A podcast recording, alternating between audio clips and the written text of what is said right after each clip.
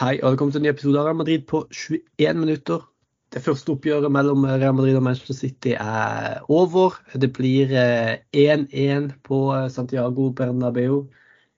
Og det hele skal altså avgjøres på Etihad om en uke. Dette var en helt fantastisk fotballkamp. To veldig veldig gode lag eh, som spilte veldig fin fotball. Og det var en glede og en fryd å kunne se fotball på, på så høyt eh, nivå. Med meg til å prate om alt dette har jeg Martin. Hei. Hola! Hvordan er følelsen nå etter å ha sett uh, Vi spiller jo dette her inn riktignok dagen etterpå, da, men hvordan, hvordan har det føles å se denne kampen her? Og det var jo uh, fotball fra øverste øverste hylle, dette her. De to beste ja. lagene i verden.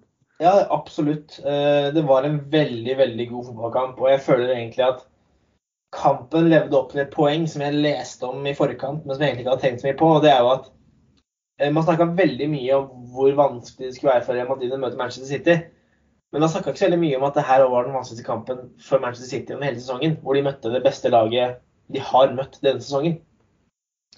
Og jeg syns egentlig Real Madrid gjorde en eh, holdt på å si, helt etter boken eh, semifinale. Man tar ikke unødvendig risiko. Man er veldig klar over at alt skal avgjøres på Etiad om en uke. Men man tar de sjansene man får. Eh, og er kompakte og gode. og eh, Vi snakket jo veldig mye i forkant om hvorvidt eh, man skulle starte med Cross i dypet. da. Noe som sannsynligvis ville bety Cross, Modic og Federico Averde.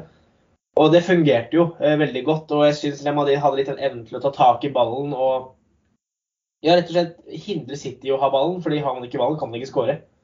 Så jeg syns han gjorde en veldig god kamp. og Vi kommer sikkert inn på det, men Real Madrid må jo være et av lagene som har på en måte håndtert Erling Braut Haaland på best måte gjennom hele sesongen. Ja, skal, det skal vi definitivt uh, komme til. Men vil, vi kan godt starte med denne midtbanekonstellasjonen som du prater om. Vi meldte det på forhånd at det er fort dette som kan avgjøre kampen. Eh, antageligvis i favør City, da, hvis det er Kroos som spiller. Men jeg tar gledelig feil om sånne ting, og det gjorde jeg i går. Kroos var vanvittig viktig for Real Madrid i, eh, ved, å spille, ved, å spille seg ut eh, av City sitt press. City presser høyt, men de lykkes aldri med å vinne ballen høyt i banen. Jeg kan ikke tenke én gang de klarte å skape en stor sjanse av å vinne ballen eh, høyt i banen. Iallfall ikke første, første, omgang. Og det har mye å gjøre med den ballsikkerheten som du får med Cross, som du får med Modric, men også med å ha det spesifikke stopperparet som du hadde, Rydiger og mm. Alaba, som er de to mest ballsikre midtstopperne Real Madrid har. Eh, så den elveren Real Madrid stilte med i går, var nok den mest ballsikre elveren man kunne stille med. Eh, og det var lurt, og det funka bra. Men Kroos skal også ha, skal ha en del honnør for det defensive han gjør i, i denne kampen. altså. Han er god til å følge disse løpene fra midtbanespillerne inn i boks. Der er jo særlig Gundogan veldig veldig god på å komme på disse seine løpene i boks hadde en del viktige defensive involveringer og, og, gjorde egentlig en vanvittig god kamp. Så det løste seg ganske bra. Om det er løsninga på eh, Etihad eller ikke, det er jeg litt mer usikker på. Dette her er jo en offensiv tilnærming til kampen. Guardiola sa også det etter kampen at når, man bruker, eh, når Real Madrid bruker Cross som sekseren, altså som den defensive midtbanespilleren, så må City forsvare seg mer. Hadde Real Madrid ikke brukt Cross den defensive midtbanespilleren, så hadde de nok angrepet mer. Så det påvirker jo også hvordan City spiller, og derfor setter de kanskje litt ut av, av rytmen slik som de pleier å spille. Så vi var skeptiske til det på, på, forhånd, men det løste seg veldig veldig bra. Det var imponerende prestasjoner av alle på midtbanen der, egentlig. Vet ikke om du har noe mer å legge til på det, eller om vi kanskje bare skal videre? Nei, jeg føler egentlig du dekker det godt. Og jeg kanskje spesielt var veldig kritisk til uh, tanken om at Kroos skulle starte alene i, som sekser mot City. Og som du sier, Selkisten, altså I stand corrected. Eh, første av to eksamener er mer enn bestått.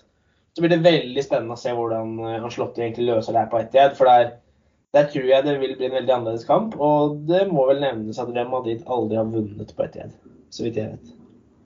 Ja, det stemmer det. Og ja.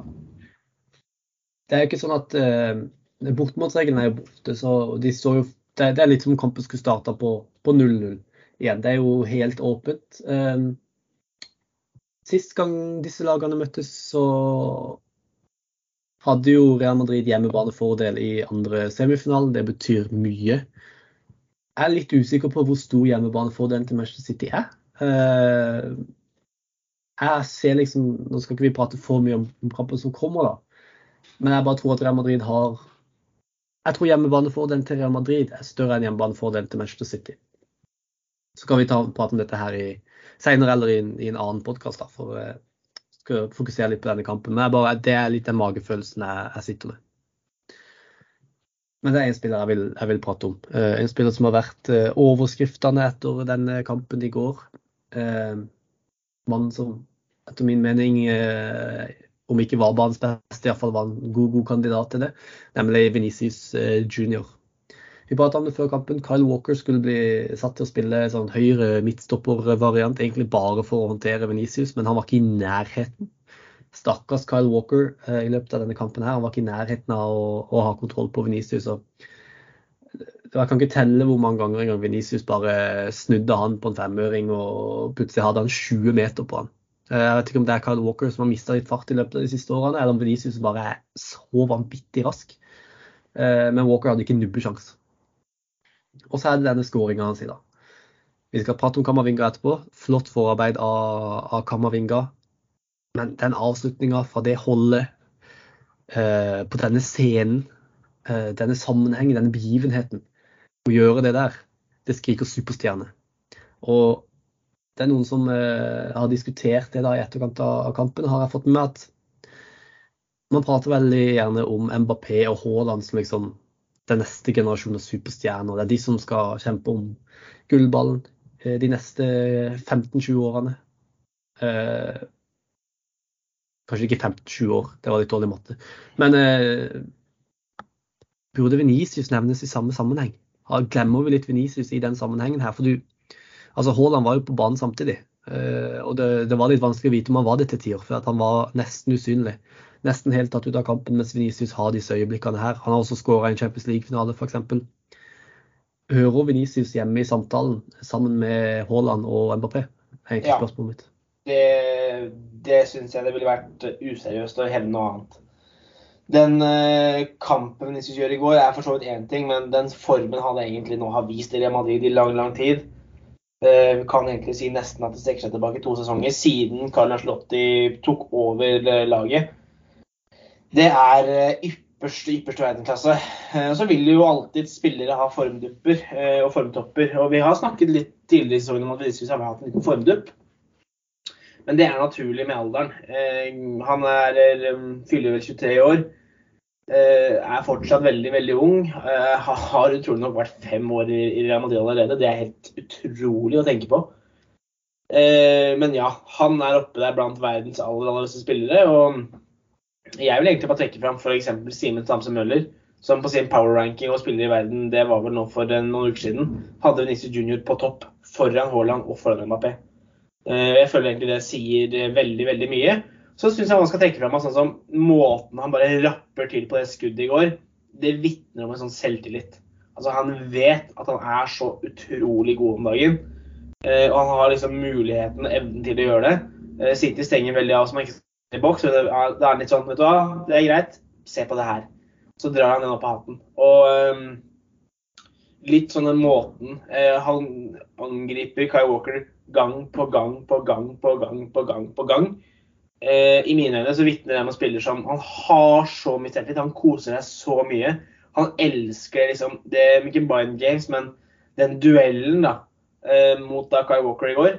Og det, det, er veldig veldig gøy å se på. Og så syns jeg det er veldig gøy å se der vi har snakka veldig mye om at Vinicius har sutra veldig mye i liga.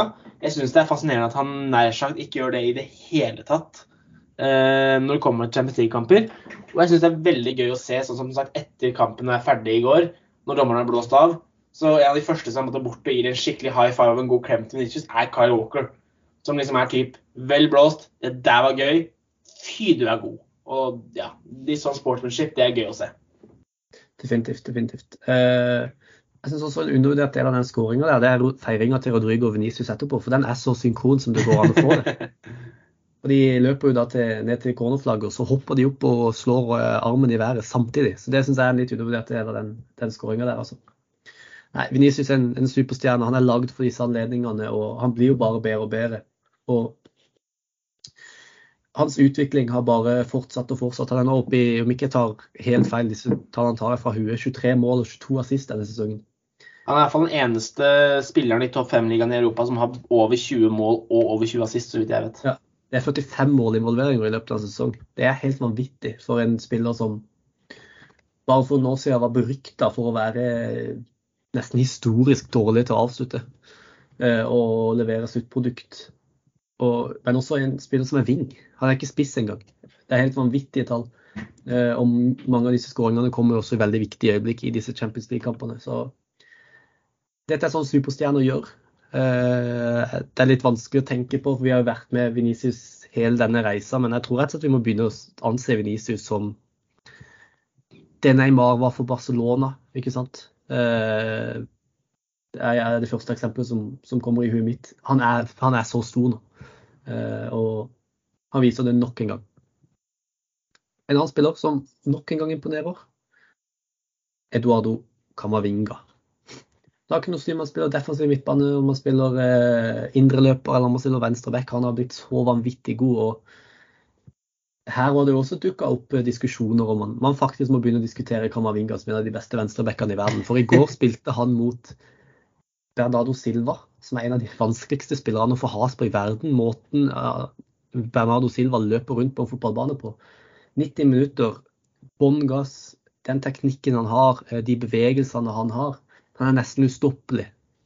Kamavinga hadde han i baklomma hele denne matchen, og det er så vanvittig imponerende. Man begynner jo å tenke litt sånn Men de kommer tilbake. Kommer til, det er åpenbart at han kommer til å slite med å spille seg inn i laget, men hva betyr det for Real Madrid å ha en spiller som Kamavinga på venstre back, når det har vært en posisjon hvor det har vært så mye usikkerhet i, i så lang tid nå? Altså, du ser jo bare, bare et siste poeng også at vi har pratet om at det hjelper Venezia å ha en bedre offensiv venstre back. Morten Kamavinga spiller av press på, tar med seg ball fremover, og så leverer en perfekt pasning til Venicius. Tyder jo nettopp på hvorfor det er så viktig å ha en spiller som kan hjelpe Venicius. Ja, eh, virkelig. Og eh, jeg, altså, jeg, så flere som underveis i kampen i går, og egentlig over lengre tid har måtte, vært inne og hevda at Kamavinga er jo en av verdens beste venstrebacker også. Eh, altså Han er en av verdens største midtbanetalenter, men han er altså en av verdens beste venstrebacker. Og det henger jo egentlig ikke på greip. Så har jo både Anslotti og egentlig Kaminga selv uttalt at han har ikke veldig lyst til å spille venstreback, eh, men av nødvendighet så måtte det blitt en løsning man har landa på. Og eh, en, en, ung, eh, teknisk god venstreback som bærer nummer tolv på ryggen, altså I don't mind. Men jeg er veldig spent på å se hva fremtiden bringer på den posisjonen. fordi som du sier, Christian, Ferland Mendy er på vei tilbake fra skade. Han har jo mer eller mindre vært ute av spill i hele 2023. Eh, det er nær sagt opplest og vedtatt at eh, Fran Garcia hentes hjem til sommeren. Eh, da skulle man jo tro at tanken egentlig er er Ferlamen Mendy og Frank Garcia som venstrebacker. Men eh, jeg hadde ikke blitt sjokkert om man tok et valg om at man selger Mendy. Nær sagt satser på en, en, rotasjon mellom Kamavinga og Frank Garcia. Fordi poenget med sånne unge backer og det som ofte er andrevalg, det er jo at ja, men hvordan gjør de det i storkampene? Hvordan gjør de det i en Champions League-semifinale? Hvordan presterer de på kamp nå? Eh, og det er jo akkurat i de kampene Kamavinga kanskje har gjort aller best figur eh, som venstreback for Madrid denne sesongen her. Så jeg er egentlig veldig spent på å se hva fremtiden bringer der, fordi herregode gud, så god han har vært. Og så må det også nevnes, ingen spillere er perfekte. Kamavinga er fortsatt en ung spiller. Eh, og det er jo han som gjør den pasningsfeilen i forkant ja. av skåringa. farlig ball inn i midten da jeg sa i stad at jeg kunne ikke tenke på en gang hvor City hadde vunnet ballen høyt i banen, så retta jeg meg med å si første omgang. For jeg kom på denne situasjonen her. Eh, hvor Kamavinga spilte en litt farlig ball inn i midten, og som da ble snappa.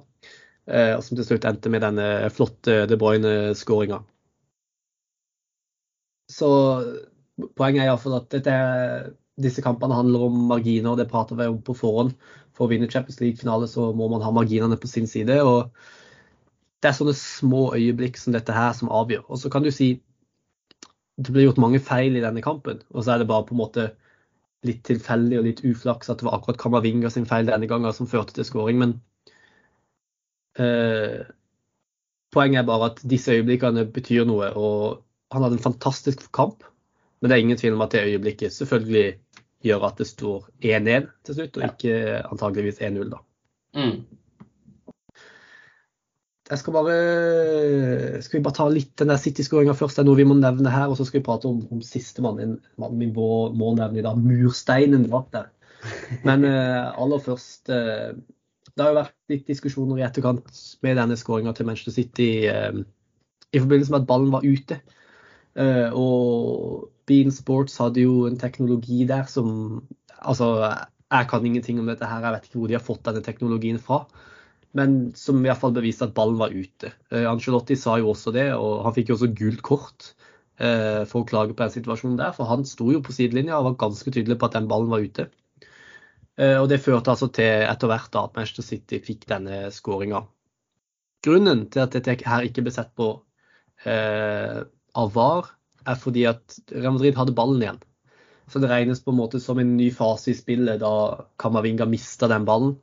Eh, og City fikk et nytt angrep. Det regnes ikke som samme fase i spillet. Det er derfor det ikke ble sett på av VAR. Og så kan du si at City hadde aldri vært i den situasjonen. De hadde aldri hatt muligheten til å vinne ballen så høyt i banen hvis Real Madrid hadde fått det innkastet. Uh, så på en måte så har det jo betydning for at skåringa kommer. Det er bare det er årsaken til at VAR ikke tok det. For det regnes ikke som Det har ikke sammenheng med skåringa ifølge det regelverket de har satt. Bare så det er, det er avklart. Vet ikke om du har noe mer å legge til på den, den skåringa der? Altså for et treff, da. Ja, herregud. Jeg har ikke noe annet å legge til enn at Hervin skaper for et skudd. Uh, jeg er nesten glad ingen Real Madrid-spiller uh, fikk for seg å kaste seg foran det skuddet, for da hadde de jo ligget på sykehuset uh, per nå. Ja. så nei, vanvittig scoring, og det var jo en scoring semifinalen verdig. Man fikk to veldig fine langskudd i går. og Personlig er jeg veldig svak for skåringer fra med 16, så det var veldig gøy å se. Ja. De Bruyne fikk også den offisielle man of the match eh, fra Uefa. Jeg er veldig uenig i det. Jeg eh, ville hatt tre Real Madrid-spillere foran Rydiger, nei, for, eh, sorry, foran De Bruyne. Rydiger en av de. Men ja, det er jo sånn det funker. Det er jo også ja, Kanskje det at det var bortebane har jo kanskje litt å si, da. Ja, absolutt. Men vi må prate om han. Nå kommer det. Øyeblikket alle har venta på. Vi sa det før kampen er det én stopper i verden vi kanskje vil ha mer enn noen annen i en duell med, med Erling Braut Haaland. Dette er altså verdens beste spiss. Kanskje verdens beste spiller denne sesongen. Han har skåra 200 mål, virker det som, siden han kom fra Manchester City. Helt ustoppelig. Helt fram til han møtte Jeg står til og med et statistikk. Han har skåret et mål hvert 58. minutt i Champions League. Helt fram til han møtte Antonio Rydegård. Rydegård var som en løs bikkje eh, i går. Han var i ryggen på Haaland hele tida. Eh, han dro, han, han heiv han rundt, han takla, han brukte armer og alle ulovlige midler for å vippe han litt av pinnen. og jeg synes det, kunne, det var et nydelig øyeblikk eh, etter en sånn duell der hvor, du, og de zooma litt inn på Rydiger, og han smilte, og de zoomte inn, inn, på Haaland. og Han smilte litt, han også. Dette var en duell jeg tror begge to digga. Eh, og som Antonio Rydiger selvfølgelig kom vinnende ut av. Og så må også Alaba nevnes. Alaba spilte også en fantastisk god kamp, eh, hadde en livsreddende takling. Men det, det, er jo Rydiger som fikk oppgaven om å stoppe Haaland i dag, og det klarte han så det synger etter. Og man trengte en Chelsea-Rydiger-kamp mot Manchester City nå. Dette er akkurat det Real Madrid henta ham for. Militao er ute. Real Madrids beste forsvarsspiller denne sesongen. Dette er grunnen til at man henta Antonio Rydegård. Og denne kampen han spilte i går, det var verdt all den lønna han kommer til å få i løpet av de, den kontrakten han har i Real Madrid. altså. Eh, banens beste? Ja, det vil jeg si. Eh, jeg personlig hadde Rydiger som hans beste. og det er sånn, eh, Vi snakker veldig mye om at ja, når vi endte ikke opp å se noe til Haaland i går. Eh, og så tar man på en måte det litt sånn OK, da er det kvittert ut. Men man må snakke om i hvilken grad Haaland nær sagt var usynlig også. Altså, han har vel Av tre skudd, eh, to forholdsvis svake avslutninger på mål, og den ene hvor Alaba blokkerer, den er jo veldig farlig. Så der redder jo på mange måter Alaba en scoring. Ja. Men forutenom det så gjør særlig Rydiger, som er veldig mye av det mann-mann-arbeidet med Haaland, en fantastisk kamp. Jeg så han la ut en eh, post på Instagram eh, med, med tittelen 'What a fight'. Eh, med to bilder av han i duell med Haaland. Så det var veldig tydelig liksom, hva som skulle skje, og hva som var greia i går. Men så leste jeg en artikkel på Marka som var sånn Sånn her stoppa Real Madrid Haaland. Og Angelotti gikk jo eh, i pressekonferansen etter kampen ut på at eller han gikk inn på det at de hadde hatt som fokus å stoppe mellomrommet, altså det rommene Kevin De Bruyne og Gündogan eh, gjerne beveger seg inn i. Og Det har litt med det vi snakket om i forkant av kampen å gjøre, nemlig det med å hindre den tilførselen til Haaland. Men I tillegg til det så var det en grafikk hos Marka som viste måten at Tony Cross som anker lå veldig, veldig dypt. Og sammen med da Alaba og Rydiger som lå ganske høyt eh, mot Haaland, så skapte de en trekant rundt Haaland som gjorde at Haaland hadde Real på absolutt alle kanter som òg hindra City fra å bruke han i det oppbyggende spillet. Så han ble veldig, veldig veldig isolert. Um, og det var interessant. Men ja, i mann-mann-duellene, altså i løpeduellene, i hodeduellene og uh, i det fysiske, så var jo Rydiger en pest og en plage for Haaland. Og jeg har sett flere klipp på Twitter nå hvor ja, det ser nesten ut som Rydiger eh, går uh, med bøyd rygg og sniffer Haaland i armhulen bare for å irritere han. Og det er sånn typisk sånn shithousery som du ikke vil få noen traff for, for det du gjør på en måte ikke noe galt men du kommer deg litt under huden på en eller annen måte. Men igjen, jeg vil bare trekke fram der at Haaland etter kamp og måtte bort hos Rydiger, og det var litt sånn Takk for en fair fight, det her var gøy, vi, vi ses vel igjen om en uke.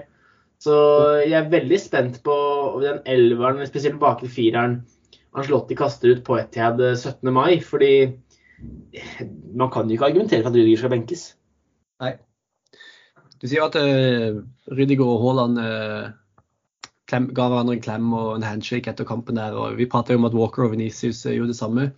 Jeg er litt usikker på om Jack Reelish og Dani Carvahall gjorde det. uh, så bare før vi, vi, avslutter her, så Hver eneste gang Carvahall leverer en prestasjon som dette her, så har jeg lyst til å nevne det. For at vi gir han mye dritt, stakkar. Eh, men han har disse kampene, de store kampene, så, så dukker han Det begynner å bli en trend nå at han dukker som regel opp. Mm. Iallfall i Champions League. Og i går også så var han eh, veldig god, mer defensivt orientert kanskje enn uh, en Kamavinga på motsatt back, da, men det skulle jo egentlig bare mangle. Klarte å vippe Jack Grealish fullstendig av pinnen nå. Altså, nå var det ikke et hardt, hardt slag han fikk, eh, Carvahall, men han klarte jo likevel å, å, å, lage en situasjon hvor han faktisk fikk Grealish så frustrert at han slo etter Carvahall.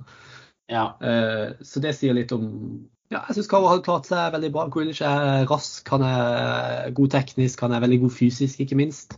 Som er alle disse tingene som Carvahall ikke har lenger. Så jeg syns han klarte klarte, klart seg ganske bra, Stadig Carvahall. Og det fortjener han å, å få høre. Når han ja, jeg, jeg er veldig veldig enig. Eh, skal, altså, hvis man skal kalle en spade for en spade her, da. altså Dadi Carvahall er et rasshøl, for å si det på godt norsk. Eh, men man trenger noen sånne spillere i ethvert lag. Eh, Real Madrid hadde lenger litt den karakteren i Sergio Ramos. Eh, et lag som Barcelona har i alle år hatt spillere som Piquet, Jordi Alba. Man kan trekke fram Luis Suárez, som da har spilt for både Barcelona og Liverpool. Jeg føler på en måte kanskje City delvis mangler litt. altså skal Hvis de har noen, så er det kanskje faktisk Jack Grealish. da. Ja. Men det her går litt på den der rutinen med å komme seg inn under huden på folk og bruke skitne triks. Og Jeg så en tweet i pausen her som jeg egentlig følte var veldig veldig godt beskrivende av situasjonen. Men nå klarte jo åpenbart Grealish å roe seg etter annen omgang. Den tweeten den, den, den, var på spansk, og den, den, hadde ordlyden sånn Hvis vi bare fyller banen i balkonger, så kommer Grealish og hopper fra en av dem. Fordi det var så mange muligheter til å få han til å eh, virke boble over og gjøre noe dumt for å bli utvist. Så nesten litt dumt at ikke man pusha mer på det, for han var heit i toppen. Men eh, ja. sånn endte det da ikke. Nei. Eh, men en god kamp på Kaval og hadde god kontroll på, på Jack Grealish. Nei, jeg tror kanskje vi skal gi oss der. Vi er litt, eh, litt over tida. Men um, jeg syns vi skal kjøre en pod før det neste Manchester City-kampene. Eh, se litt mer på ja, de tingene som du prata om, nevnte litt her med hvem starter i forsvar. Det, uh, har jo en helt ny, uh, Den diskusjonen har jo en helt ny um, form nå, med den prestasjonen til Rydiger hadde, og Alaba også. Så det er mye ting å prate om før denne retur, dette returoppgjøret, som jo er helt åpent. Spilles på selveste grunnlovsdagen i neste uke, så det blir, det blir veldig, veldig spennende. Takk for at du var med i dag, Martin. Nok en gang en stor glede. Takk til alle dere som hørte på. Og til neste gang, à la Madrid.